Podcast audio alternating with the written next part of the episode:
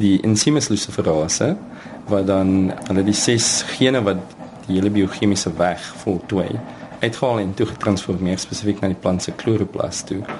Basies wat nou gebeur is die plant produseer self luciferin en dan die luciferase van die luciferin plus dan 'n bietjie energie en suurstof en skakel dit om na oxyluciferin wat dan ook met lig vrystelling gepaard gaan. Die klank wat jy in die agtergrond hoor is heerlike koffie wat besig is om te brou.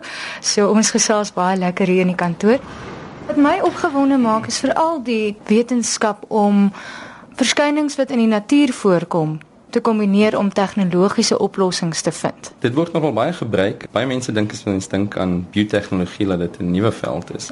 Maar as mens dink brood is 'n biotehnologiese proses wat ons gis gebruik om dit te laat reis vir die bakproses, bier, wyn, al daai is dieselfde. So dis 'n tegnologie wat ons al lank al gebruik. Dit is nou net meer in die nuus omdat ons kan dit baie vinniger doen of ons kan gene uithaal van bakterieë, plante, selfs mense of diere wat ons in belang stel en dit in 'n ander organisme sit. Jy het 'n baie interessante verduideliking hier op die skerm van hoe presies so 'n plant gemanipuleer kan word om dan nou te gloei in die aand. Dit is maar net 'n basiese struktuur van 'n plantsel net om aan te toon van die chloroplaste. Dit is die groen organelle wat fotosintese bewerkstellig in die plant en wat die transformasie daai ses gene wat ek van praat is spesifiek getransformeer na die chloroplast toe omdat daar is baie suurstof toevoer daartoe, maar dan die grootste rede daarvoor is die chloroplast word deur die moeders oorgeerf en glad nie deur die styfmeel en daar is minimale hoeveelheid oordrag van chloroplast in styfmeel.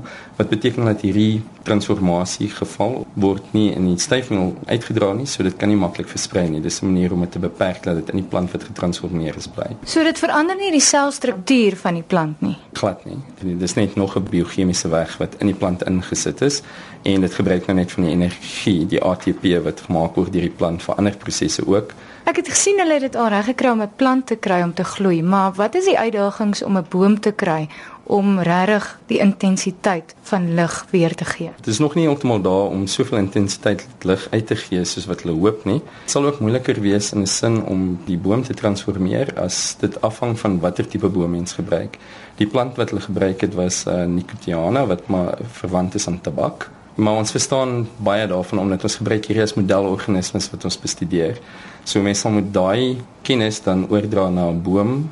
In my geval sou ek iets gekies het wat baie werk al op gedoen het sodat mense verstaan hoe en dit makliker kan doen. Die effek wat jy wil hê, soos hulle sê, uh, straatlig sal vervang sal jy dalk 'n bietjie moet daarmee speel om die uitdrukking van die lig of die hoeveelheid lig wat uitgestraal word te verbeter sodat daar meer daarvan is.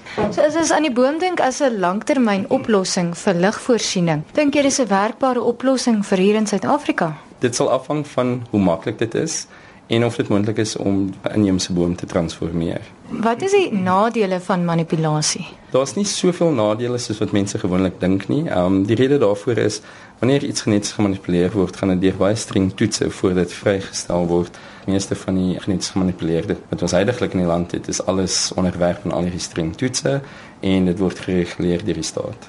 En sal die regulasies my toelaat om 'n gloeiende boom in my tuin te plant? Die maatskappy wat dit gedoen het, sal eers vir permitte moet aansoek doen om dit in die land te mag inbring.